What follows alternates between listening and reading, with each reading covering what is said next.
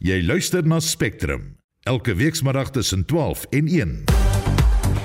In vermiddag se programme versoek vir die aanstelling van 'n onafhanklike ondersoekeenheid om korrupsie te bekamp. Brandbestryders van die Kaapse Wynland distriksmunisipaliteit spook steeds om verskeie brande te blus en minder matriekleerdlinge in Afrikaanse skole neem wiskunde en fisiese wetenskap as vak.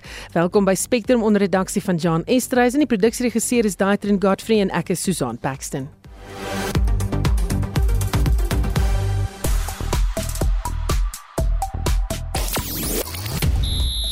In die SA 20 vandag is dit die moederstad teen die hoofstad waar 'n plek in die uitklopfase net net moontlik is. Die Engelse draaier Jack Leach is onbeskikbaar vir môre se tweede toets teen Indië wat die baan weg vir nog 'n draaier op sy eerste verskyning te maak. En Liverpool is die losvoorlopers in die Engelse Premierliga danksy gisteraand se skittervertoning teen Chelsea. Ek's net na 12:30 terug met 'n volledige bulletin. Is nou bykans 4 minute oor 12 en 'n Suid-Afrikaanse vrou, Karel de Swart, is gister in Switserland dood na sy jare lank aan kanker gely het en genade dood gekies het. In Suid-Afrika is genade dood nog onwettig. Dink jy genade dood is 'n gepaste uitweg vir iemand wat weens 'n ernstige siekte toestand ly? Iemand wat so ly dat die persoon nie verder vir die lewe kan sien nie of kan sien nie eerder? Wat dink jy? Hoe voel jy daaroor? Stuur 'n SMS na 45889. Onthou 'n boodskap kos R1.50 of jy kan vir ons 'n stemnota stuur. Spectrum, jou middagnuusprogram op RSG. So by kan 7 minute oor 12 advokaat Linus Breitenberg van die DA sê daar moet 'n onafhanklike ondersoekeenheid soortgelyk aan die valke aangestel word sodat korrupsie uitgeroei kan word. Breitenberg sê dit is om die rede dat die DA die parlement se regsdienste gevra het om die finalisering van die party se private lede wetsontwerp te prioritiseer. Die direkteur van Accountability Now, advokaat Paul Hoffman sê dit was eintlik hulle idee voor die DA daarmee vorendag gekom het.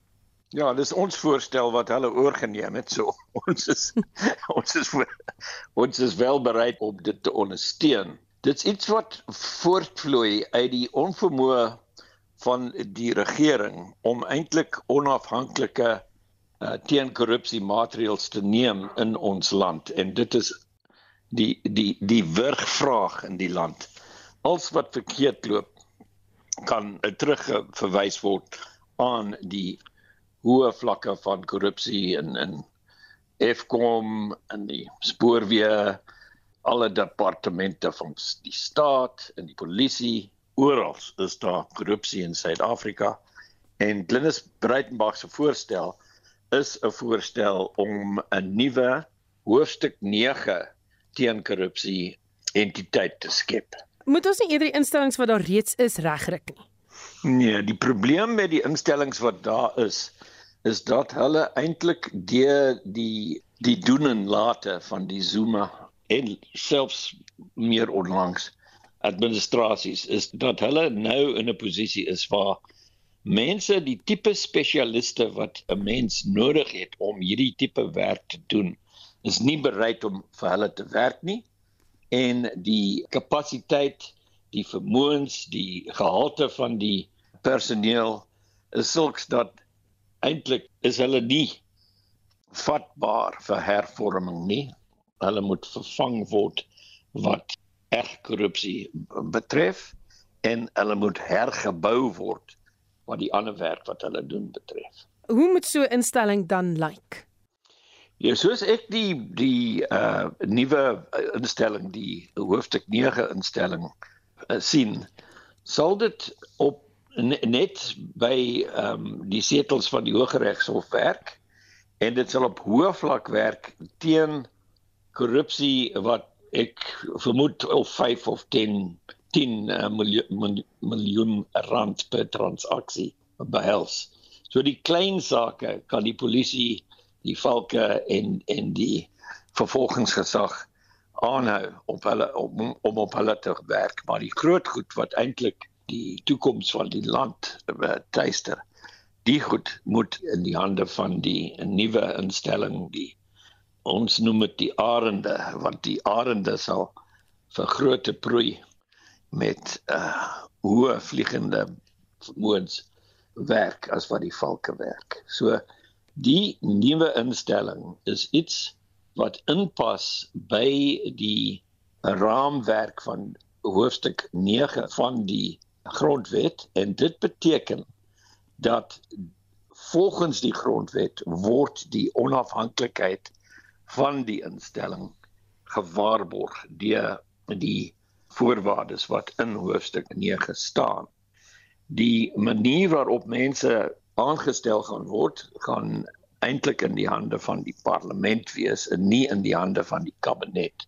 Een van die probleme wat ons tans het is dat die kabinet en die helfte van die kabinet self korrup. Hulle meng in met aanstellings en hulle probeer om hulle pels en die mense wat hulle sal beskerm aan te stel as leiers van die teenkorrupsie uh, instellings en dit beteken dat die wat behoort in die tronk te wees is nie in die tronk nie. En dit was advokaat Paul Hoffman, die direkteur van Accountability Now. Spectrum, jou middagnuusprogram op RSG. Dis by gas 13 minute oor 12. 6 van die EFF se topleiers sal nie die opening van die parlement en die staatsrede kan bywoon nie.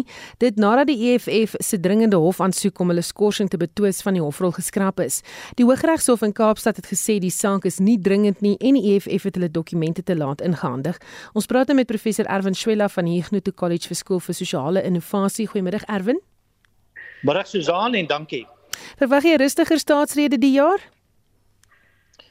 Ekskuus, ek het nou nie heeltemal daai mooi gehoor nie. Dis 'n bietjie van 'n uh, sê weer, verwag verwag jy 'n rustiger staatsrede die jaar?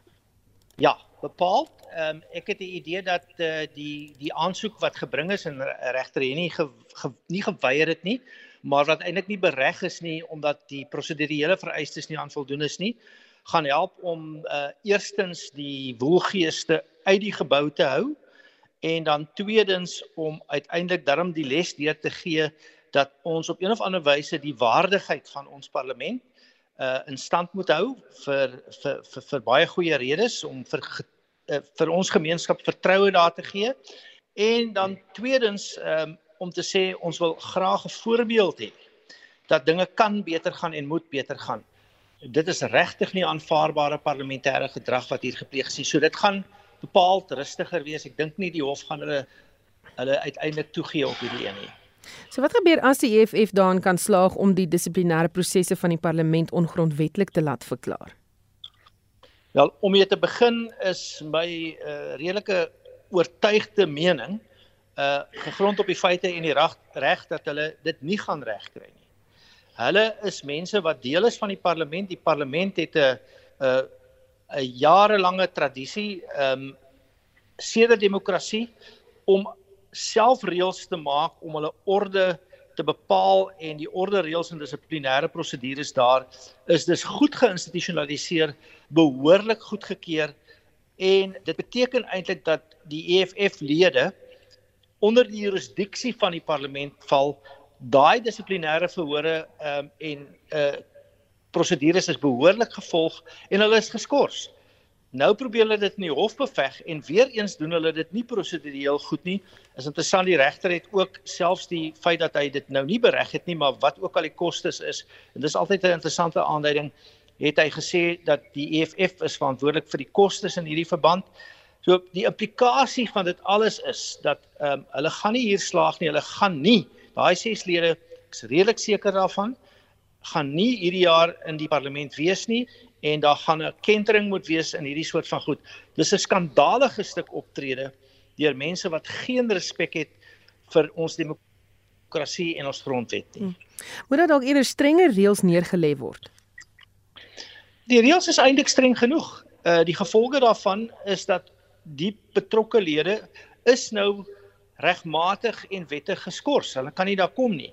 Hulle probeer natuurlik nou ook wat die EFF uh se strategie en taktik voortdurend is om voortdurend hulle self hier voor te stel as die benadeeldes. Ek het nou 'n term daarvoor geformuleer. Dis dis 'n vorm van ehm um, kom ons sê gefeinste verontwaardiging. Ehm um, hulle is vreeslik verontwaardig, maar hulle die hulle die moeilikheid veroorsaak. Nou hulle gaan nie daar wees nie en hulle gaan tereg nie daar wees nie En ek dink nie die reëls hoef strenger gemaak te word nie. Die reëls is goed. Dit laat toe vir die reëls van byvoorbeeld hoor die ander party, hulle het die reg gehad om hulle self te verdedig. Hulle kan na die howe toe appeleer. dink jy is nodig om dit strenger te maak nie. Mense wil dit ook nie te streng maak nie want dan kan dit weer misbruik word na die ander kant toe. Dis goeie reëls, dit gaan toegepas word en dit moet moet toegepas word om die die dignitas, die waardigheid van die parlement te beskerm. Baie dankie. Dit was professor Erwin Schwella van die Huguenot College Skool vir Sosiale Innovasie. Verskeie lande in die Verenigde Nasies se Veiligheidsraad, insluitend Algerië, Rusland en China, het die behoefte benadruk dat die Veiligheidsraad die tydelike voorkomende maatreëls wat deur die internasionale geregshof teen Israel uitgereik is, moet ondersteun.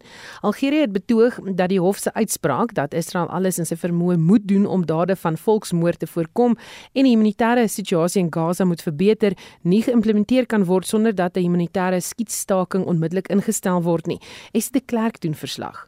Suid-Afrikaanse gesant, Matu Joini, het die land se saak voor die internasionale regshof verdedig en sy het haar misnoë uitgespreek dat die Israeliese regering ten spyte van die hof se uitspraak voortgaan met militêre aksies in stryd met die hof se uitspraak.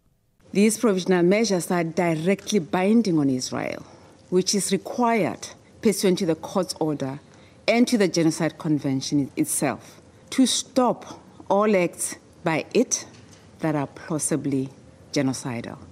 There's clearly no credible basis for Israel to continue to claim that its military actions are in full compliance with international law, including the Genocide Convention, having regard to the court's ruling.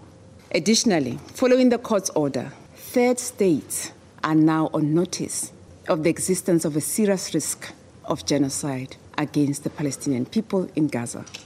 They must therefore also act independently and immediately to prevent genocide by Israel and to ensure that they are not themselves in violation of the Genocide Convention. Algerië gaan na verwagting 'n konsepresolusie voorstel wat stappe om 'n humanitêre skietstaking te bereik uiteensit. Hier is Algerië se ambassadeur Amar Bendiama. كما انه من واجب المجتمع الدولي It is incumbent upon the international community to ensure that Israel fully complies with those provisional measures. It is pivotal to put an end to the bloodshed and to the genocide of which the Palestinians are victim. Madam President, the provisional measures agreed upon by the International Court of Justice cannot be implemented in any other way but through a ceasefire. Ondanks die aanduiding van verskeie lidlande dat hulle die konsepresolusie sal steun, het die FSA aangedui die uitvoerbaarheid daarvan is nie moontlik nie. Die FSA se ambassadeur Linda Thomas Greenfield het egter aangedui dat 'n nuwe ooreenkoms moontlik bereik kan word vir die vrylating van gijslaers en dit sal waarskynlik 'n tydelike skietstaking tot gevolg hê. While we all agree more must be done, and though we are all broken by the extraordinary loss of civilian lives, we must be honest about what the court did not order. Specifically, it has not ordered an immediate ceasefire. It has not made any finding that this preliminary phase of the proceedings that Israel committed genocide or otherwise violated the Genocide Convention. And indeed, the United States continues to believe that such allegations are unfounded. And that rather than try and will a ceasefire into existence when the conditions to sustain it, unfortunately, don't exist. We must instead work toward a durable solution to this conflict through the hard work of on the ground, relentless diplomacy. Israel het Suid-Afrika en Algerië daarvan beskuldig dat hulle Hamas ondersteun en het Suid-Afrika berispe omdat hy die volksmoordkonvensie verdraai het. Hier is Israel se adjunk permanente verteenwoordiger by die VN, Jonathan Miller. It is not Hamas that is being charged with genocide. It is not its supporters in Tehran and Pretoria that are being held to account. It is the country that is the victim of Hamas's genocidal campaign that is again and again and again the subject of outrageous accusations, the more extreme the better, that hinge on telling a story in which Hamas, its abuse of civilians and civilian infrastructure, and its utter brutality simply disappear. That this pattern of distorting so called reality to the Security Council is a matter of routine does not make it morally acceptable. and it only compounds the disconnect between what's so often said in this chamber and what is happening in actual reality. Gaza se ambassadeur Riyad Mansour het Suid-Afrika vir sy leierskap bedank. Hy het weer eens die noodsaaklikheid van 'n humanitêre skietstilstand benadruk. There has to be a ceasefire. Although the burden is in Israel to implement the six provisional measures. But you are not assuming your responsibility in adopting a resolution to call for a ceasefire to allow the work and the provisional measures ordered by the court to be implemented.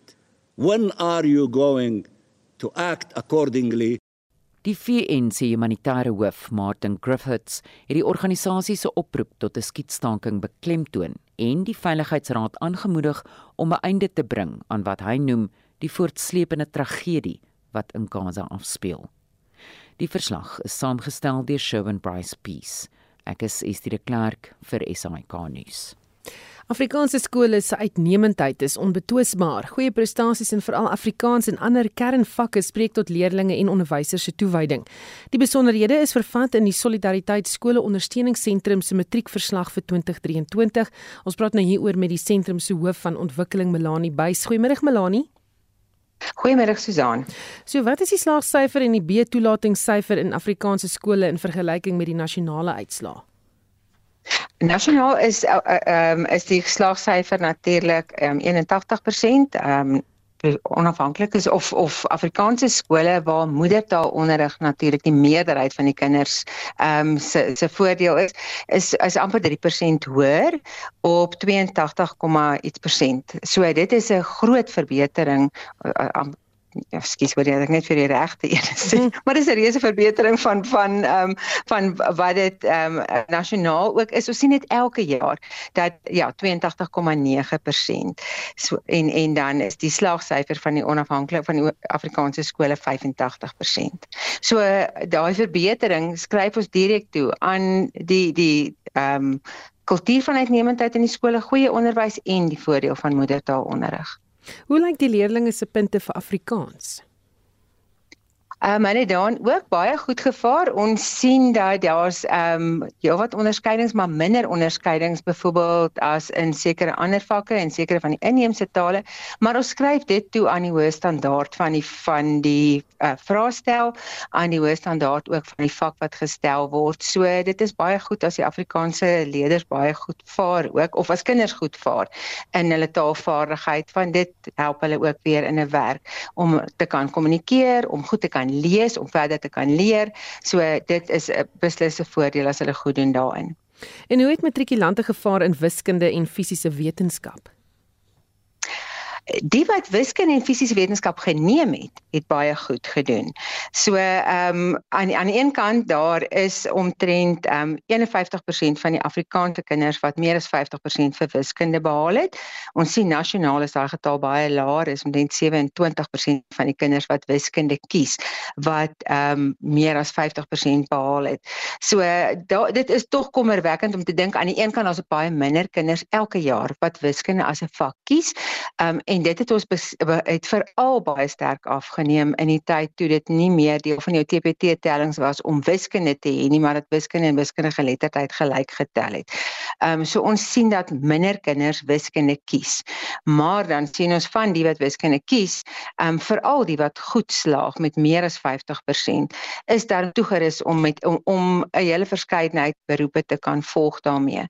Ons groot bekommernis is maar die feit dat daar regtig 'n uh, uh, groot groskinders is wat 'n hele klomp deure toemaak veral soos tegniese opleiding. Ehm um, deur glad nie wiskunde op skool te neem nie.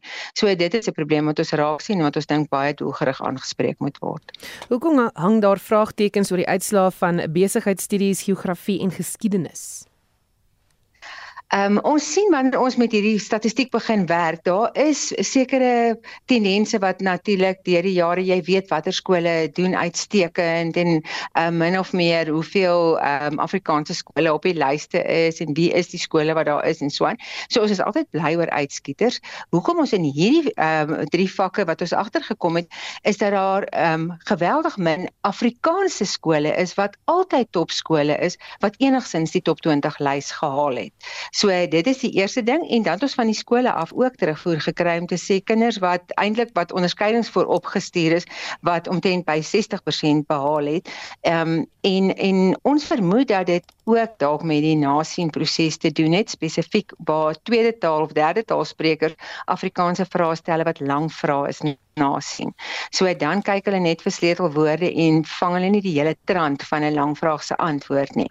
So daar daar's definitief 'n ondersoek nodig om te kyk hoekom het hierdie punte in sekere skole eh, wel, ek dink spesifiek in die Afrikaanse skole, maar dan ook in Hebreë, hoe is die punte geraak deur die nasienproses?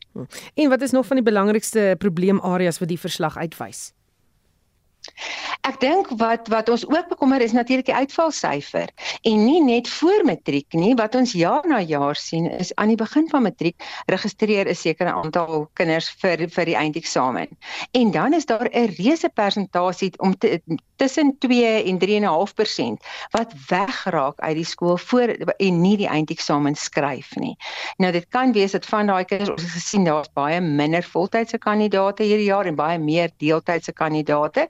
So dit kan wees dat dat van ehm um, van daai kinders wat wegraak deeltydse kandidaate word, ehm um, dat hulle met ander woorde net sekere vakke skryf en dan word hulle statistiek nie saam met 'n skool se statistiek weergegee nie. Nou aan die een kant is skole wat bietjie op risiko wat nie hulle 100% slaagsyfer of hulle slaagsyfer wil benadeel nie doen dit soms. Ag en soms is dit reg in 'n kind se belang om te sê weet jy om al al ses vakke te probeer gelyk doen gaan jou nie baat nie. Kom ons doen 3 hierdie jaar en so. So maar daar's 'n groot bekommernis waar gaan hierdie leerders heen? Ehm um, en en kom hulle op die ou end weer deur en hoe rus ons hulle toe? Toe vir 'n wêreld van werk hierna. So watter aanbevelings maak die verslag um, om jy weet sodat mense nou kan verbeter? Kyk die ehm um, ek dink die kultuur van van van ehm um, leer in 'n skool, daai van hard werk en en uitnemendheid. Ehm um, wat kinders toerus en harder laat werk. Ons sien dat daar in skole waar daar goeie dissipline is, waar onderwysers toegewys en teenwoordig is, ehm um, en en waar daai daai kultuur van uitnemendheid daar is, sien ons baie goeie resultate. En dis nie goed wat met geld te doen het nie. Ehm um, miskien net 'n lekker voorbeeld om dit te demonstreer is ehm um, Bilwe is 'n skool skool in Toyandou wat baie sterk op wiskunde en wetenskap fokus en hulle het vreeslik baie kinders en hulle was hierdie jaar die skool met die meeste wis, wiskunde onderskeidings in die land. Wat wat vir jou sê dit dit gaan baie oor die ingesteldheid. So dis die eerste ding wat belangrik is. Die tweede ding en dit wil spesifiek ook op die wiskunde van toepassing maak is dat ons kyk na nuwe onderrigmetodes. Daar uh, met tegnologie met die wêreld wat verander het, is daar baie goeie onderrigmetodes wat ons kan kan gebruik ook om kinders beter toe te rus.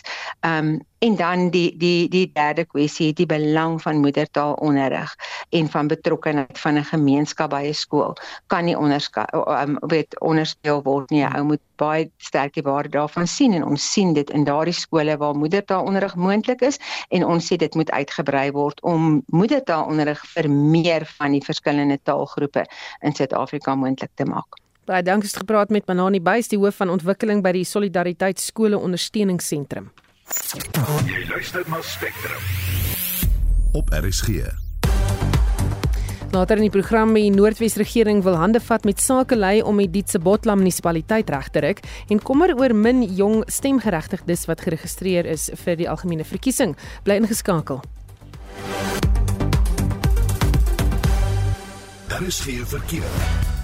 In die Weskaap op die N2 stad in voor Potchefstroomweg was daar 'n ongeluk in die linkerbaan. Daar is geen vertragings op hierdie stadium nie, maar ry maar versigtig in daardie area. Op die N7 suid op Potsdam is daar padwerk in die linkerbaan. En in KwaZulu-Natal op die N3 oos na Marketweg staan 'n voertuig in die linkerbaan. Ek is my Eckart met die middagverkeersverslag op Spectrum.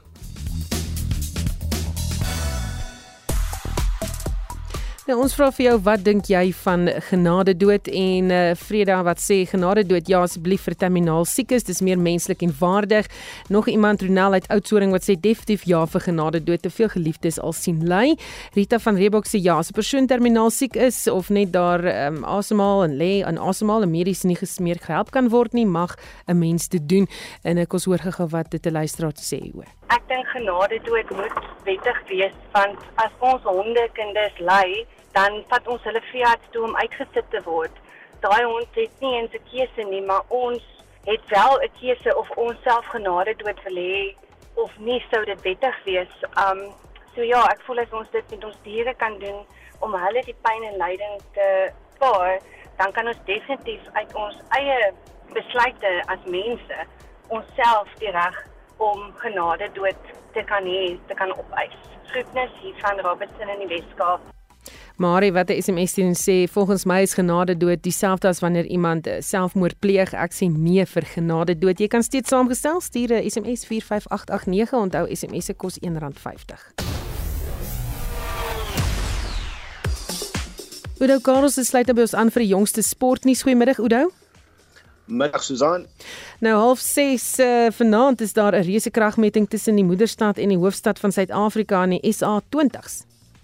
Ja, dis korrek. Die Pretoria Capitals, hulle stuis teen MI Cape Town 'n oorwinning vir albei spanne van kardinale belang. Die twee sit vasgenaal op die voetend van die punteleer op 10 en 9 punte onderskeidelik. Nou om die top 4 en uitklopfase te bereik op albei spanne om hulle laaste twee wedstryde te wen en sodoende dan die Josie Super Kings verby te steek wat tans op 13 punte in 4de plek sit. Hulle het nog net een wedstryd oor. 'n Bonuspunte oorwinning in een of albei wedstryde sal ook help so ons hou hierdie kragmeting met groot belangstelling dop vanaand. In die onder 19 wêreldbeker kry die topspanne in die Super 6 bietjie van 'n blaaskans vandag terwyl Skotland en Namibië dit uitspook in 'n uitspelwedstryd om posisies 14 tot 16 in die kompetisie te bevestig. Skotland het uh, besluit om eerste te kom vir jongste telling daar. Uh, Skotland sit op 161 vir die verlies van 4 paaltjies en is nou in die 38ste balbeurt wat hulle nou daar speel. En dan skuif ons na Indië waar uh, die tweede toets teen Engeland môreoggend begin. Uh, die linksdraaier Jack Leach is weens 'n uh, besering onbeskikbaar verklaar en aangesien Engeland Engeland se sukses gebaseer is op die tweede beurt ontleding van 7 vir 62 deur die uh, link, uh, linksdraer Tom Hartley wat ook sy eerste toetsbuiging in hy wedstryd gemaak het is alle oë nou op uh, die wegdraaier Shoaib Bashir bevestig gevestig wat waarskynlik in sy eerste toets sal speel wanneer die wedstryd môreoggend 5 uur in uh, Visakhapatnam begin. Dan is daar baie om oor te bespiegel in die wêreld van die Springbokke. Ja, ons wou almal hoor wat SA Rugby te sê het. Ons het vanoggend berig oor die Nieu-Seelander Tony Brown en die Ier Jerry Flannery wat volgens bespiegeling eersdaags aangekondig sal word as Rassie Erasmus se nuwe afrig assistente. Uh wat nou die groot besprekingspunt is is oor of Rassie dan self sal aanbly as hoofafrigter van die Bokke tot en met die volgende rugby wêreld in Australië en dis nou in 2027. Aanvanklik is ons verlede jaar net na die Wêreldbeker gesê dat uh, SA Rugby sy kontrak tot 2025 verleng.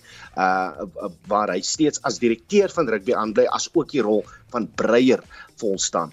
Nou sou Erasmus dan aanbly as hoofafrigter in 'n poging om 3 agtereen volgende wêreldbekers te wen. Wat gebeur dan met die posisie van uh, direkteur van rugby uh tot dan? So ons sit maar almal in afwagting om te hoor wat SA Rugby se besluite behels. Hulle het beloof om in die volgende paar dae vir ons te laat weet daaroor. En ons sluit ons af met sokkernuus wat ons baas Nicoline Lou heel oggend al laat glimlag heel oggend en seker nog heel middag ook haar geliefde Liverpool. Hulle sit op 5 5 eh, punte bo Man City en Arsenal op die Premierskap punteleer. Dis danksy 'n skitterende 4-1 oorwinning teen Chelsea gisteraand. Uh vanaand 9:30 speel West Ham in 7de plek teen Bournemouth wat tans 13de eh, plek beklee en uh, kwart oor 10 het Wolves dan 'n kans om Manchester United op die punteleer in 9de plek verby te steek met 'n oorwinning. Dit dan al van my kant af ons skakel nou oor na Michael Flismus wat by Zebula Golf Landgoed die eerste ronde van die STC Ope vir ons dophou. Baie dankie Oudo. Mense wil altyd weet wat maak die beroepsgolfer soveel beter as die res van ons? En in die geval van Chris Paisley is dit 'n goeie stukkie vleis, meer spesifiek Suid-Afrikaanse vleis. Die man vanaf Engeland is al lankal lief vir Suid-Afrika vandat hy in 2018 die SA Ope hier gewen het. Hy loop weer voor in vandag se eerste ronde van die SDC Ope na sy ronde van 7 onder syfer vandag. En volgens hom is die vleis in Suid-Afrika van die beste ter wêreld veral hier in die Bosveld en help altyd dat hy dit hier geniet. Maar terwyl hy nou jy sit en middagete geniet in Suid-Afrika se Wilko Ninaber besig om hom verby te vat op die baan. Ninaber het sopas 'n arend op die syfer 5 15de bytjie gemaak en is nou 8 onder syfer met 3 bytjies om te speel. Benjamin Follett Smith is ook klaar met sy ronde en sit in die kluis op 6 onder.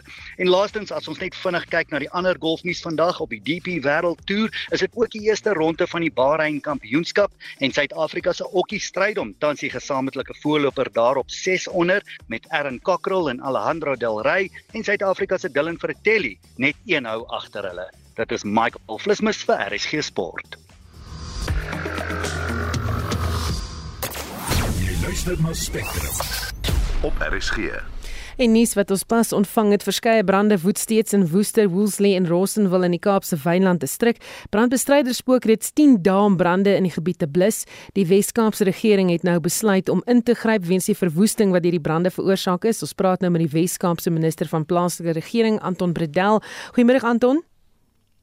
Goeiemôre Swan. Wat het julle besluit? Hoe gaan julle ingryp? Wel, ons het aansoek gedoen by die Nasionale Rampbestuursentrum om die provinsie as 'n ramp te verklaar en verwag spoedige ehm um, antwoord daarop en die rede is maar omdat die brande oor verskeie munisipale grense strek. Ehm um, jy het die drie genoem in Kaapse Wynlande. Dit is 22 27000 hektaar, 3500 hektaar en 'n brand van 2700 hektaar en dan sit ons in Pringle Bay, Kapagala sowel as Buffelsjag So dis groot brande waarmee ons tans hardloop. Ehm um, ek wil tog beklemtoon dat ehm um, hierdie versoek gaan daaroor om die premier as uitvoerende gesag die geleentheid te gee om vinnige besluite te neem sowel as om geld te skuif na begrotingspos toe sodat ons genoeg lugsteen en voete op die grond kan hê. Um, ons is nie bekommerd oor die mannekrag of die hulpbronne op hierdie stadium nie. Ons het genoeg mannekrag, genoeg hulpbronne. Ons het ook die werk vir vier program wat 500 mense op bystand het, manne en vroue wat sal inkom sodra hulle sien ons brandweermanne en vroue raak moeg. Ehm um, so ons het ook die aflos al gereël. Ehm um, so ons het genoeg hulpbronne, maar dit is om vinniger besluite te kan neem. Ek wou nou vir jou vra, jy weet as jy al die hulpbronne het, hoekom het dan 'n ramp uh, toestand verklaar? Wel as jy as ek nou uit my motor uit klim, ek het in die motor kom sit, dan sal jy die wind in die agtergrond hoor suis. Dis baie moeilike omstandighede, baie warm buite um, winde draai en ehm um, jy kan net soveel doen um, om om voor die vlamme te bly maar ons moet alles doen ons vermoë om eiendom en lewens te beskerm. Ehm um, ons is gemaklik met die hulpbronne wat ons het, maar ons het al in Desember uit ons begroting uitgehardloop en ons moet die premier in die vermoë stel om wetties binne ons begrotingslyne te kom en daarom sal ons artikel 25 moet neem waar ons geld skuif vir 'n ekstra ligsteen en ook as ekstra ligsteen moet inkry. En jy het vroeër genoem hoeveel skade aangerig is, sê net gou weer. Ehm um, daar is tans die vure in in die Kaapse Wynlande strek oor 27000 hektaar, die een oor 3500 hektaar een in Beinskloof en dan die ander een oor 2700 hektaar en dis bergareas, dis moeilike areas, maar dan net Pringle Bay se vuur weer opgestaan en daar is hy baie naby aan die huise. So ons stuur nou helikopters soontoe, ehm um, buffels jagbrand en hulle sê in Kapagallas is 'n brand in die natuurreservaat wat so 8000 hektaar ook want ons nou ook hulpbronne sal moet stuur en dit dit sit net die plaas net die premier in die posisie om vinnige besluite te kan neem. Hm. Baie dankie gepraat met die Wes-Kaapse minister van plaaslike regering Anton Bredel. Spectrum, jou middagnuusprogram op RSG. 18 minute voor 1 die verkiesingskommissie hou hierdie komende naweek sy tweede en laaste registrasie naweek voor vanjaar se algemene verkiesing. Die idee is om na voornemende kiesers uit te reik en hulle aan te moedig om hulle name op die kiesersrol te kry. Oudo Karel sê het 'n monitor vanoggend met die hoof van operasies by die verkiesingskommissie, Granwell Abrams gepraat. Abrams het veral klem gelê op die feit dat meer jong mense moet gaan stem. Ek dink heel eerstens ons is nou verby 'n uh, eh, een van ons uh, mikpunte hoogtepunte tot op datum vir die heel eerste keer kyk ons nou na meer as 27 miljoen kiesers. En dit wil meebring as jy nou in ag neem op dat ons maandeliks so omtrent so tussen 35 en 40 000 mense kry wat van die kieserslyf afgaan as gevolg van sterfte. As jy dit ook bytel, dan het ons seker op hierdie stadium nou al in vergelyking met 2021 so bykans 1.5 minstens, sal ek dink, nuwe kiesers wat nie deelgeneem het verlede jaar nie. So dis nou al klaar as jy in totaal moet kyk, dan is dit net 500 000 nie, maar sedert 2021 is dit nou 1.5 miljoen min of meer en dan groei ons nog steeds. As ons nou kyk na die tendens in die verlede, die tweede registrasie naweek, dis maar nou tipies Suid-Afrikaans. As dit jou laaste geleentheid is, dan staan hier die last minute rush. So ons verwag ook dat ons 'n groot opkoms gaan hê vir hierdie naweek wat uh, voorlê. En dan het ons natuurlik ook die aanlyn fasiliteit waar jy in die gemak van jou huis 24/7 ook kan registreer. Ek sê dat alhoewel ons nou nie eintlik ons nou net wil groei, ek dink ons almal wil groei, is dit ook baie baie belangrik vir kiesers wat al reeds geregistreer is om seker te maak dat hulle in die korrekte stemdistrik geregistreer is. So as jy van adres verander het, gaan maak seker dat jy gaan herregistreer. Die rede daarvoor is as gevolg van 'n wetswysiging in 2021 in hierdie verkiesing dieselfde soos in plaaslike verkiesing gaan jy net kan stem waar jy geregistreer is. So dis baie baie belangrik dat jy seker maak dat as jy van adres verander het of gaan kyk net dat jy in die regte stem distrik uh, geregistreer is sodat jy nie teleurgestel gaan wees op stemdag nie. Also ek ek het myne self gaan verander. Ek het dit aanlyn gedoen. Hy gebeur nie outomaties nie, maar so 'n paar dae later het ek wel bevestiging gekry van waar ek nou moet gaan stem. So daai proses, hy werk. Maar kom ons stap gou net deur wat alles hierdie naweek kan gebeur. Hoe en waar sal kiesers kan registreer? Wel, die registrasie naweek is natuurlik die geleentheid waar ons in persoon kontak het met kiesers.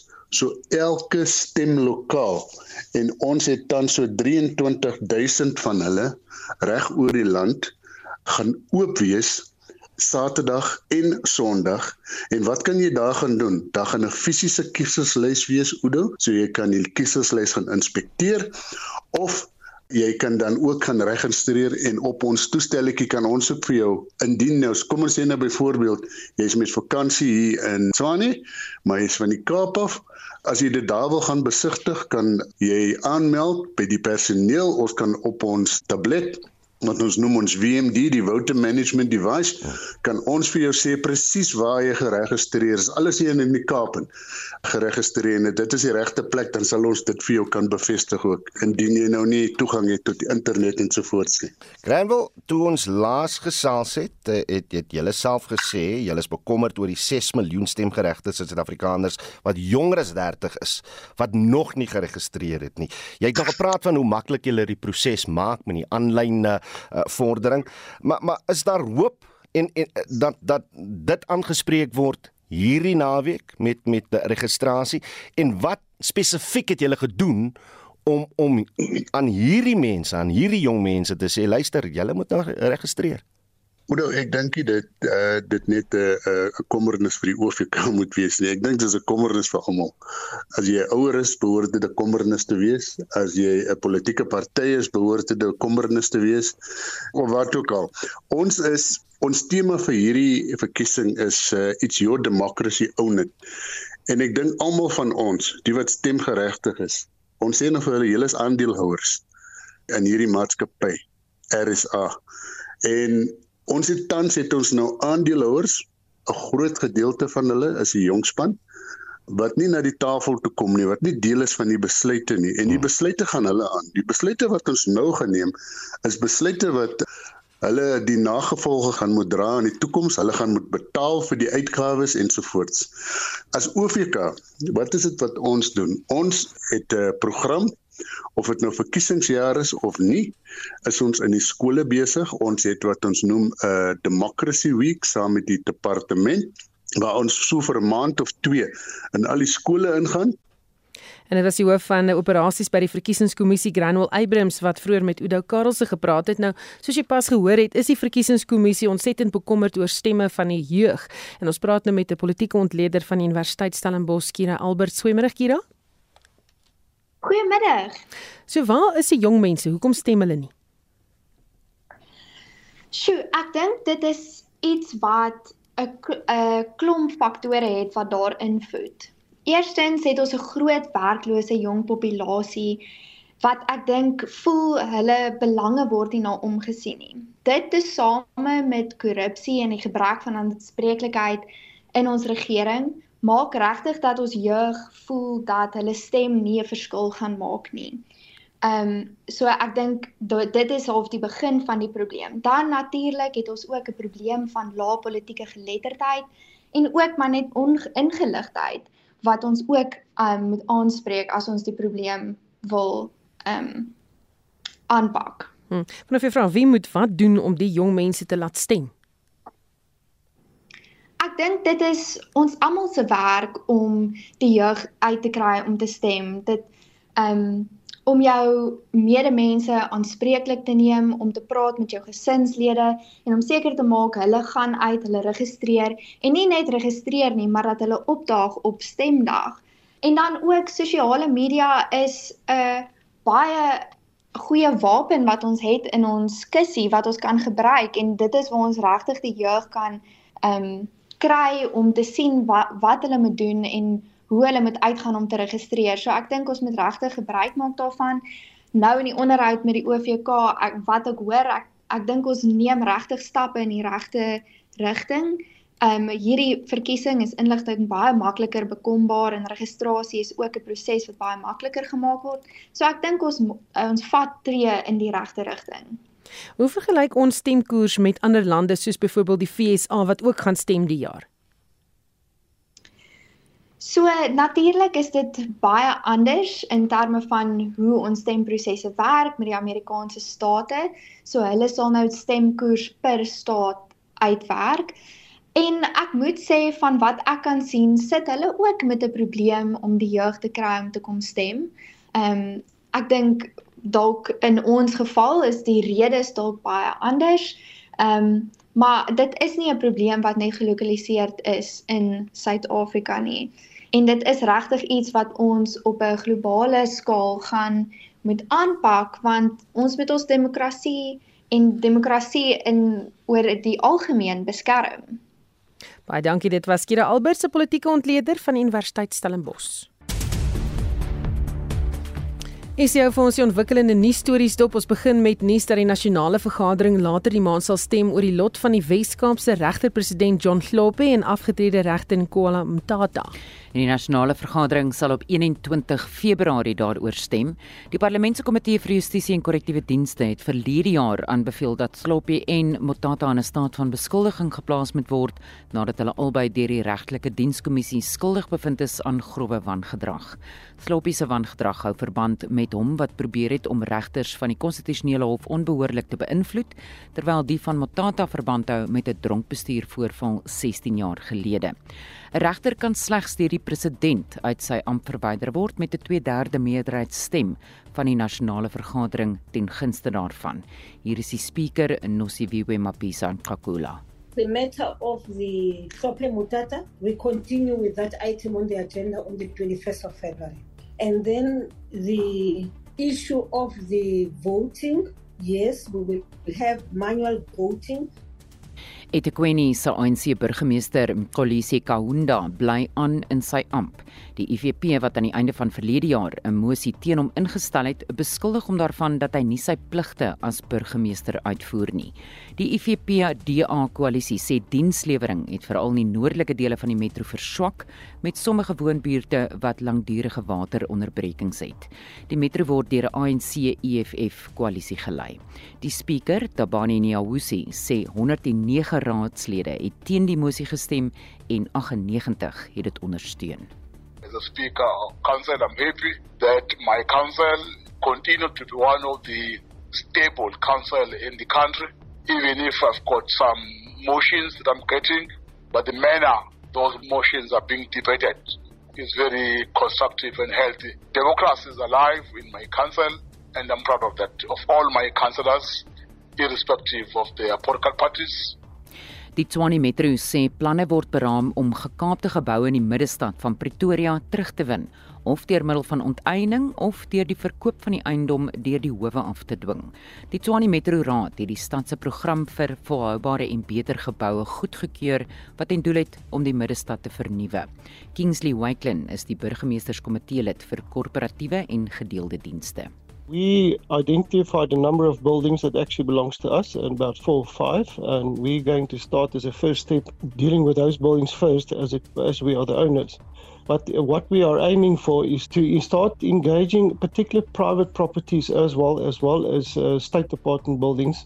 Obviously, a lot of those buildings owe us money as far as rates and taxes are concerned, and that will be the first step. And then going through the courts to apply for an expropriation or to get them to a point that we can actually put it in a market for developers that are interested to rejuvenate the city center. En in internasionale nuus sê die Verenigde Nasies se sekretaris-generaal Antonio Guterres kommer uitgespreek oor die verslegtende veiligheids- en humanitêre situasie in Myanmar. Vandag presies 3 jaar gelede het 'n militêre groep die demokraties verkose regering omvergewerp. Hier is die adjunkdirekteur van Human Rights Watch in Asie, Philip Robertson. This situation has now deteriorated to a point where massive attacks against uh, the people have been committed by the military, and the people are resisting. And the country's really descended into civil war, but it's civil war between the people and the military. It's not between various different groups of people on the ground. en dit was die adjunkdirekteur van Human Rights Watch in Asie, Philip Robertson. Skakel ek om vir brandpunt om kwart voor 6 vanmiddag vir 'n opsomming van die dag se nuus. En dit was Estie met 'n oorsig oor die ontwikkelende nuusstories. Klop mense wat saamgesels steeds oor genade dood, 'n luisteraar wat sê ek is 'n pleegster wat afgetree is en ek sê nee, die enigste rede daarvoor is dat enige persoon al ooit gedink aan die dokter wat daardie finale inspuiting moet gee. En dan sê Amelia van Klapmuts hier stem sy ook nie meer saam met die genade dood nie. Jou lewe is in God se hande. Hy maak 'n besluit wanneer jy sterf. En dan sê nog 'n luisteraar genade dood en abortus enige moord is teen die 10 gebooie net unbelievers en hak aanhalingstekens sal dink dit is goed. En dan sê Anu Lombard uit Johannesburg genade dood is elke mens se eie keuse, is nie vir 'n staat of iemand anders om daardie besluit te neem nie en ook nie vir my uh, om te besluit of ek moet lewe nie, so ek wens dit word ehm uh, um, lyk like dit vir my in ons land ingestel. En uh, dankie dat jy saamgesels het vandag, is baie gewigtige tema. Onthou vorige uitsendings van al ons nuus en aksietydsprogramme is as 'n potgooi op RC se webtuiste beskikbaar. Ons groet namens soos uitvoerende regisseur Nicoline Lou, die redakteur John Estreys en die produksieregisseur Daitrin Godfrey. Ek is Susan Paxton skakel in vir brandpunt vanmiddag om kwart voor 6 en onthou 360 is volgende.